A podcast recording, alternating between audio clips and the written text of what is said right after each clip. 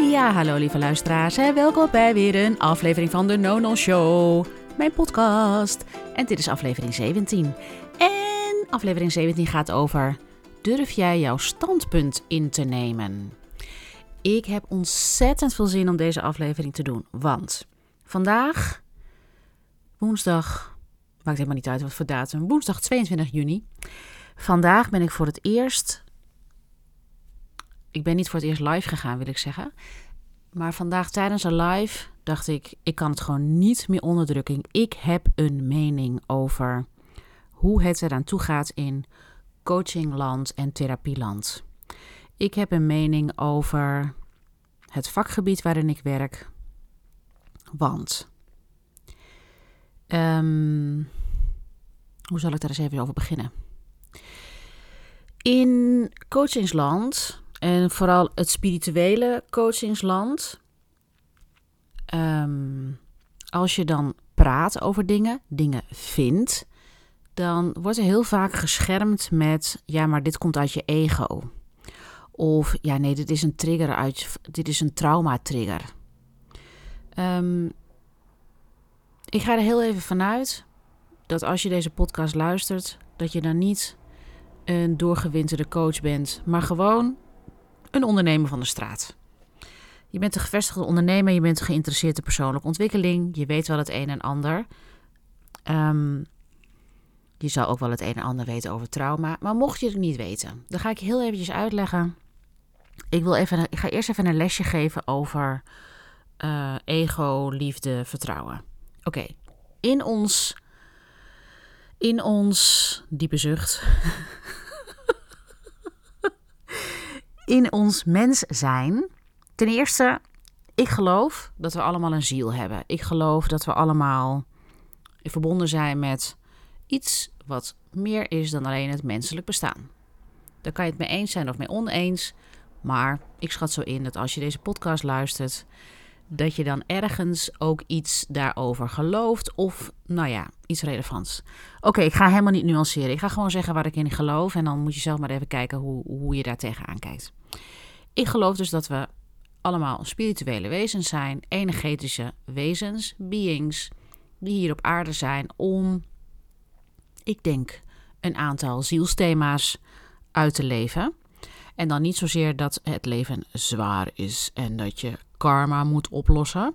Dat hoeft niet per se. Ik denk dat een ziel heel graag op deze aarde wil zijn, omdat we hier kunnen proeven, ruiken, um, voelen, ervaren. We hebben een lichaam en met dat lichaam kunnen we dus heel veel dingen ervaren en kunnen we het leven ervaren. Zo, zo ervaar ik het. Ik hou van het leven en ik hou ervan om dat met een bepaald bewustzijn te doen. Dat wil zeggen dat eigenlijk alles liefde is. Alles liefde, vertrouwen. Je bent compleet verbonden met de wereld. Als je dat ervaart, dan leef je vanuit de kern. Um, vanuit die manier van kijken naar de wereld, voelen. Want het is niet eens kijken, het is voelen, ervaren. En ik heb dat, ik heb dat heel duidelijk eigenlijk al. Ik heb, ik heb gisteren een aantal dagboekjes gelezen. Want ik, had, uh, ik heb deze week heb ik een, um, een journal challenge. En omdat ik graag weer graag. Omdat ik graag weer graag. Omdat ik heel graag plezier en, en creativiteit wil ervaren. Dus ik heb een aantal dagboekjes gelezen. En daar stond al. Nou ja, volgens mij ben ik altijd al bezig met ontwikkeling. En met spiritualiteit. Een van mijn eerste spirituele boeken was van Krishnamurti. Een um, spirituele guru die eigenlijk al zei: er zijn geen gurus. Ga vooral zelf voelen en nadenken wat jouw waarheid is. Nou, dat is ook mijn visie. Of dat is ook mijn visie. Ja, dat is mijn visie. En dat resoneert met andere mensen. En zo zie ik het ook. Oké, terug naar mijn verhaaltje. Um, nou, we komen hier op aarde, we zijn die ziel, geïncarneerd in een lichaam. En um, misschien hebben we een zielsmissie, waardoor we door allerlei uh, toestandjes moeten komen, pijn, dat kan. Ik denk uiteindelijk dat het erover gaat dat de ziel zich heel graag wil manifesteren in een aards lichaam. En dat dat vooral nu heel erg gebeurt, omdat we in die transformatie zitten van hoofdbewustzijn naar hartbewustzijn. En dat we daarvoor wel eerst een, een ego-ontwikkeling meemaken, omdat we ja, nu eenmaal hele kwetsbare wezentjes zijn. Dat als je wordt geboren ben je een babytje, dan ben je niet alwetend. Dan ben je geen Boeddha. Ehm, maar dan ga je door een bepaalde ontwikkeling. En als je bijvoorbeeld je verlangens niet worden ontmoet of ehm, ja, je ouders konden op de een of andere manier niet aanwezig zijn, dan heeft het een effect op je. Dan heeft het effect op je, uh, op je hechting, het heeft effect op je ontwikkeling. En nare ervaringen, als je jong bent, nare ervaringen als in teleurstelling, uh, verlaten, eenzaamheid, zijn hele lastige ervaringen om voor een kind te dragen. Dus wat doet een kind? Ehm, we, check, we check out. Dus we gaan het niet voelen, die eenzaamheid, want dat is gewoon te pijnlijk. We hebben niet de basis nog om dan te gronden, of je hebt de ervaring niet gehad. Maar dit gebeurt echt al in het eerste, tweede, derde, vierde levensjaar, waarin er ook qua hersenen is er een niet een hele bewuste ontwikkeling. Dus iedereen heeft een ego-bewustzijn. Iedereen. Iedereen op aarde heeft die. En ik geloof ook niet dat er mensen zijn. Ik geloof gewoon niet dat er mensen zijn die geen ego hebben. Ik geloof dat ze er zodanig van bewust zijn um, dat, het, dat ze niet meer lijden, omdat ze zich niet meer identificeren met het ego. Dat geloof ik wel. Maar dat je ego hebt, zeker weten. Um, nou, anyway. Dus als je in, dat, in die ontwikkeling zit. Ik heb zelf heb ik een opleiding gedaan, lichaamswerk, rebalancing lichaamswerk. Daar ben ik eeuwig dankbaar voor. En ik heb een aantal kritische noten, natuurlijk. Um, sowieso ben ik niet iemand die zich makkelijk conformeert. Ik heb altijd mijn hele leven al gehad dat ik, als ik uh, bijvoorbeeld in de schoolbanken zat, dat ik dan altijd een beetje kritisch keek, denk ik, naar mijn leraren. Trouwens, op de basisschool was dat niet zo, maar dat begon op de middelbare school met tienerjaren. Ik heb toen ook heel veel aan toneel gedaan, heel veel aan expressie. Omdat ik um, me niet helemaal senang voelde op school, omdat het heel veel opvolgen was, luisteren was. Er was geen interactie. En ik merkte de laatste twee jaar dat ik eigenlijk gewoon geen cursus meer kan volgen. En ik dacht eerst, dat is vrij arrogant. Um, ik heb eh, voor corona heb ik nog een training gedaan met mijn toenmalige omgedoopte mentor. Daar heb ik jarenlang heb ik daar geweldige dingen van geleerd in lichaamswerk en trauma healing. Op een manier um, dat je via trauma je ziel uit kan nodigen. Want trauma is ook een opening naar de ziel. Anyway, Ehm, ik merkte dat ik dat dus niet meer kon opvolgen. Dat ik merkte, ik wil niet meer volgen. En dat heb ik onlangs weer gehad in een workshop met mijn toenmalige coach. Eén ehm, op één vond ik het echt geweldig. Maar in de workshop werd er iets in mij geraakt dat ik dacht, nee, dit niet. En ik identificeer me steeds meer als, ik heb iets nieuws te brengen. En vooral in de interactie, um, in het leren, in persoonlijke ontwikkeling Ehm, in de interactie. Dus ik ben helemaal niet iemand van de standaard coaching, waarin de coach ehm, een afstandelijk persoon zou zijn die um, de coachie, de klant, de cliënt vragen stelt, oefeningen mee doet en dat je zelf helemaal buiten beeld blijft. Ik geloof steeds meer dat als je uh, mensen begeleidt van hoofd naar hartbewustzijn, dat je ook daar in het begeleiding een bepaalde openheid hebt met hart, dat je je ook jezelf laat raken. Ehm, en ik zeg dit omdat waar het eigenlijk over gaat in deze aflevering, is durf jij jouw standpunt in te nemen? En er waren, dat is eigenlijk volgens mij, ik, ik ga zelf ook door een, een um, ontwikkeling. En die ontwikkeling is me niet meteen helemaal duidelijk. Ik weet alleen wel dat bepaalde dingen gewoon echt niet meer werken voor me. En dat er wat van mij wordt gevraagd. Ik geloof dat als dingen wegvallen, of dat ik ergens geen zin meer in heb, of dat iets niet meer ja, lukken stromen, of dat het eigenlijk gewoon van ja, maar dit is gewoon passé of zo. En wat gebeurt er dan nu wel? En dat ik dus, um, en daar komt het punt, als ik getriggerd raak, en dan dat woord getriggerd, um, dat roept dan, dan, dan roept dat al meteen op, oh, maar als je getriggerd raakt, dan moet je eerst zelf onderzoeken wat dat is. Ehm, en want dan, kan je, dan ben je niet reactief. Want als je getriggerd raakt, dan ben je reactief. Dan reageer je vanuit je trauma. Ja, dat klopt. Mijn grootste trauma, en daar kan ik heel simpel over zijn, is me niet ontmoet voelen. Als ik. Er zijn een aantal dingen die ik misschien zie, ervaar. En dan voelt een deel van mij zich niet ontmoet als iemand waar ik dan verwacht die dat zou kunnen ontmoeten. En heb ik meestal met mijn, uh, met mijn mentoren. Als die dat niet kunnen ontmoeten, raak ik echt heel, heel, heel diep teleurgesteld. Want wat ik verwacht van iemand die mij begeleidt, is dat hij zich ook kwetsbaar kan opstellen.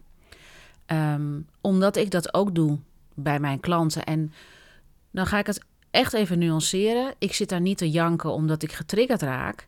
Het is, ik ben daar met hart en ziel aanwezig. Ik ben met presence aanwezig. En als iemand die ik begeleid in een heel pijnlijk stuk is wat bewustzijn nodig heeft, dan heb je daar met de volle 100% aanwezig te zijn. Want als, dat, als je dat niet kan doen, dan kan je die ander geen veilige bedding geven op het moment dat iemand heel kwetsbaar voelt. Laat dat nou eens iets zijn wat ik heel goed heb getraind. Omdat ik heel goed weet vanuit mijn, laten we zeggen, ontwikkelingstrauma, niet voelend. Um, ik heb ergens in mijn jonge jaren gevoeld dat er geen aanwezigheid was.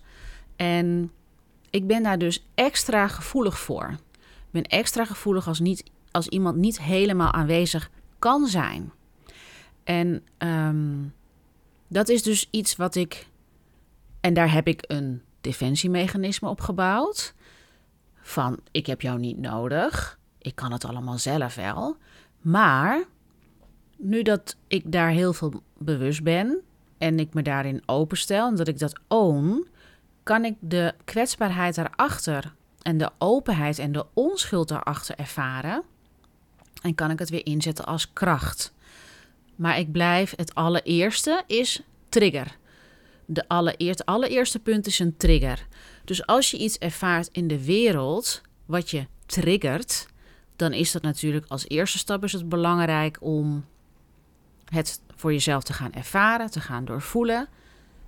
En dan, als je daar rustig in bent en je merkt, wacht eens even, er wordt hier echt iets geraakt. In die trigger, in die traumatrigger zit waarheid. Dus als ik dat voel, dan ten eerste is het waar dat ik voel dat die ander niet aanwezig is. Dat klopt, omdat ik dat vanaf kinds af aan al heel goed heb aangevoeld. Dat komt weer terug in de huidige tijd. En omdat ik daar nu van bewust ben, breng ik het ook in. Ehm, ik kan het wel projecteren op die ander van die ander is niet aanwezig. Nee, ten eerste ben ik niet aanwezig. Dus in mijn reactie, daarom is het belangrijk om rustig te zijn, is het belangrijk om te zeggen: ik ervaar momenteel dit en dit en dit. Als je bijvoorbeeld in een dynamiek zit bij iemand, ik vaar momenteel dit en dit en dit. En, en dan kan je ook echt weer aanwezig zijn. En het klopt dat die ander niet aanwezig is. Dat klopt. Dus jij bent niet aanwezig, maar die ander is ook niet aanwezig. Misschien is het een beetje een ingewikkeld verhaal. Maar dat is hetzelfde als een ik wil bijvoorbeeld heel graag een standpunt innemen over wat er gebeurt in coaching en therapieland. En dan heb ik het bijvoorbeeld over business coaching. In business coaching zie ik dat um, er heel veel business coaches zijn die zeggen dat ze business coach zijn en dan ondernemers begeleiden om um, hun, hun bedrijf neer te zetten. En dat zal voor heel veel mensen, als je het vanuit strategie doet, als je het vanuit uh, denken doet, um, vanuit die laag, zal dat heel goed werken.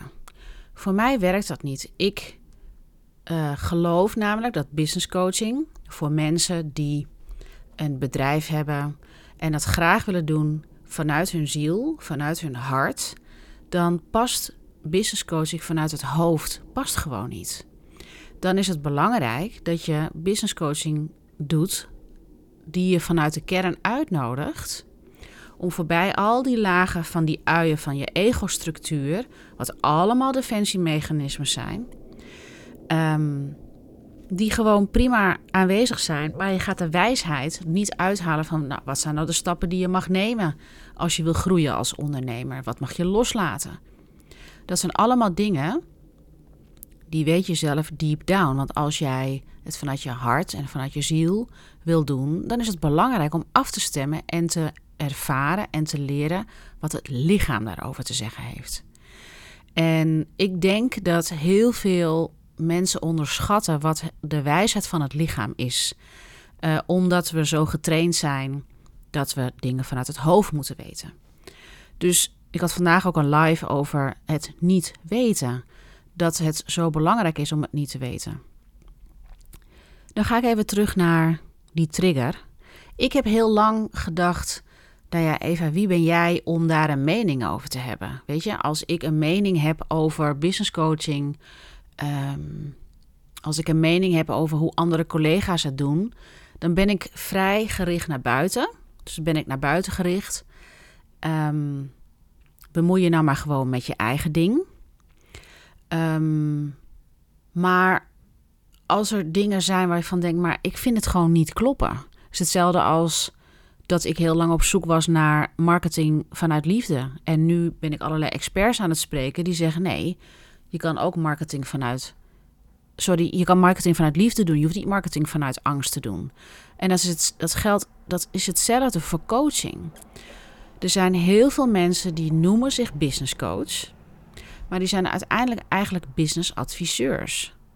Um, er zijn heel veel business coaches die doen coaching vanuit het hoofd het is niet zo dat het dan bijvoorbeeld niet zou lukken, uh, omdat je een ondernemer bent die graag vanuit een visie wil ondernemen en leven. En dan heb ik het over dat je visie, dat is je kern. Want je visie is eigenlijk je hoger bewustzijn wat door jou heen wil stromen. Um, als jij je minder identificeert met al je ego-programmeringen. Dus er is echt wel die, er is business coach. Ik ben zo'n business coach die dat vanuit die manier doet. Mensen begeleiden om zelf te kunnen luisteren naar het lijf. Ik ben ook niet iemand die gefocust is alleen op het hart. Ik heb het vanuit de buik of ik heb het vanuit mijn schouders, weet ik veel, of vanuit mijn rug.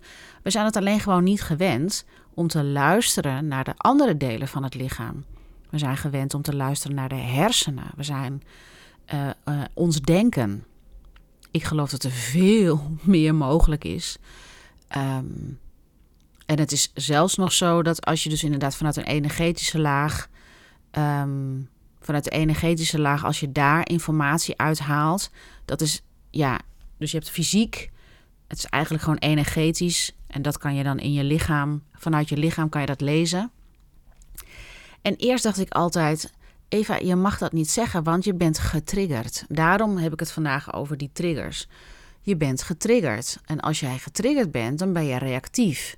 En dan ben je het eigenlijk aan het vertellen vanuit je ego. Maar als ik weer even terugkom op dat verhaaltje wat ik eerder vertelde. De traumatriggers. De traumatriggers, als je daarvan bewust bent, dan weet je, ik zit hier op een pijnpunt. Ja, het verleden wordt aangeraakt. Maar wat er ook wordt aangeraakt is op een aller, allerdiepste laag is waarheid. En is waarheid voor jou. Het hoeft niet een waarheid te zijn voor een ander, maar is wel waarheid voor jou. En ik, noem, ik wil een, een persoonlijk voorbeeld noemen, want ik was daar zo van ontdaan. Um, ik ben echt heel serieus met dit werk bezig. En het is niet zo dat ik nou um, mezelf altijd serieus neem. Maar ik neem een vak wel heel serieus. Ik neem het, het begeleiden van mensen heel serieus. En ik probeer er altijd heel integer in te zijn. En mocht ik in een bepaald moment niet integer zijn, dan is dat natuurlijk ook mijn blinde vlek. Ik ben hier alwetend. Maar ik doe het altijd met een integere intentie. Um, ik uh, volg die training met mijn mentor. Twee jaar geleden. Uh, en het viel me tegen. En natuurlijk is het zo dat je kan niet altijd verwachten van andere mensen dat ze altijd op top of de bill zijn. Maar ik had, denk ik, volgens mij tien jaar met hem af en aan gewerkt. Tijdens trainingen van de opleiding, tijdens andere cursussen. We hadden samen een retreat gedaan. En tijdens die retreat gebeurde er ook wat. Maar ik was vijf dagen training En heel eerlijk gezegd merkte ik dat ik op een in een andere fase zat van mijn ontwikkeling. Het was me allemaal niet onbekend. En ik probeer altijd nederig te zijn, maar ik dacht, ja, maar dit heb ik toch, dit hebben we allemaal gehad. Oké, wat is wat is nieuw? Ik had ook niet echt diepe ervaringen dat ik veel dieper in contact was met een diepere laag in mezelf, met de spirituele laag, met de kern. Ook had ik helemaal niet dat ik dacht, oh ja, er zijn allerlei gevoelens die graag nu hier aanwezig willen zijn en die dan op die manier gevoeld worden.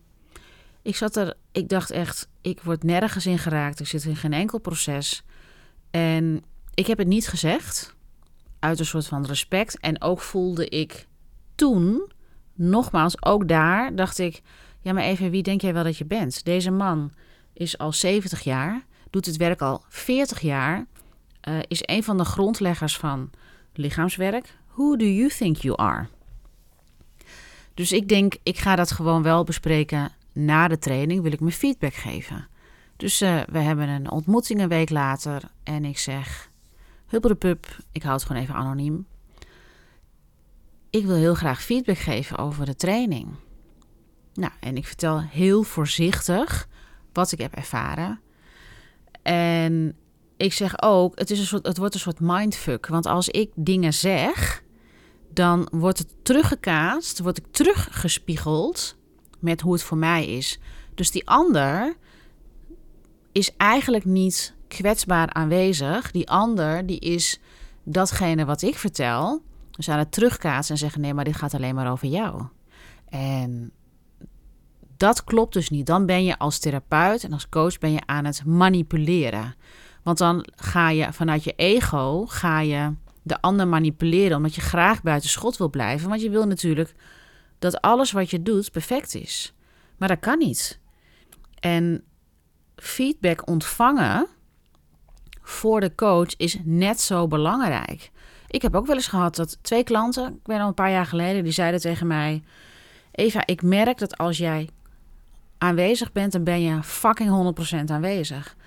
Maar soms merkte ik dat je dat niet was. En dat vind ik jammer. En weet je, ik waardeer die feedback omdat een klant, die is echt niet achterlijk. En je kan niet telkens doen, nee, maar dat is de ervaring van de klant. Nee, want dan zet je jezelf op een ivoren toren. Dan zet je jezelf buitenschot in de ontwikkeling. En ik denk dat het heel erg gezond is om die feedback ook te ontvangen. Nou, wat gebeurt er in die sessie, of met die sessie? Het, ja, hij maakte er weer een sessie van. En toen dacht ik, kijk, en nu val je, nu merk ik, we kunnen niet verder, omdat je eigenlijk mij niet als gelijkwaardig wil ontmoeten.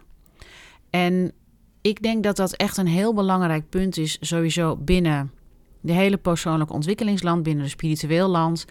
Je, um, hè, er ontstaat zoiets als coach-coachie relatie. Als coachie ben je, zit je in een kwetsbare positie. De coach die zit in een wat gemakkelijkere positie. Die stelt de vragen, die is de begeleider. Als je als coach niet laat zien dat het voor jou ook kwetsbaar is, of dat je soms ook wel eens getriggerd raakt, of dat je merkt: hey, weet je, deze vragen, wat een goede vragen en ik vind ze ook lastig. Dus ik moet ze even parkeren. Ik wil er graag over nadenken of daar ook van bewust zijn. Dan denk ik: cool, dan laat jij jezelf ook zien. En dit is een aspect wat ik echt al een aantal jaren voor me uit.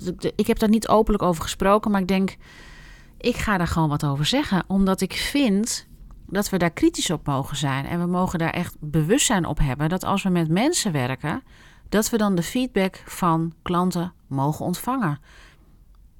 We mogen daar juist heel dankbaar voor zijn dat coaches vertellen ehm, hoe we het anders kunnen doen.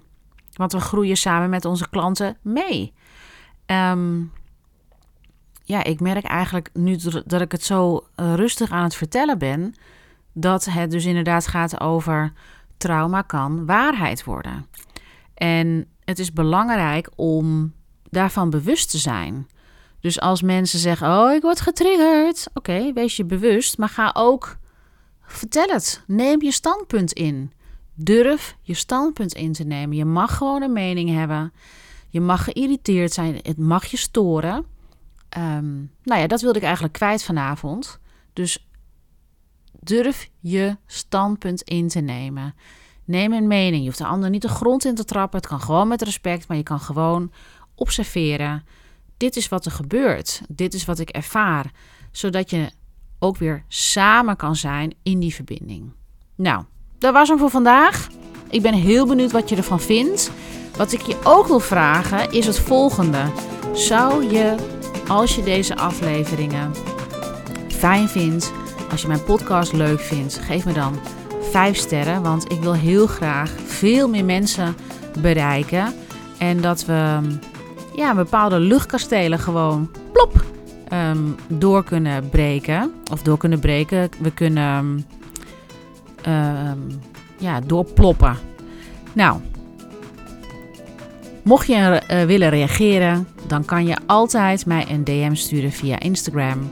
En ik wil je weer heel hartelijk danken voor het luisteren. En ik spreek je graag. Of nee, ik spreek je niet. Tot de volgende keer. Doei doei!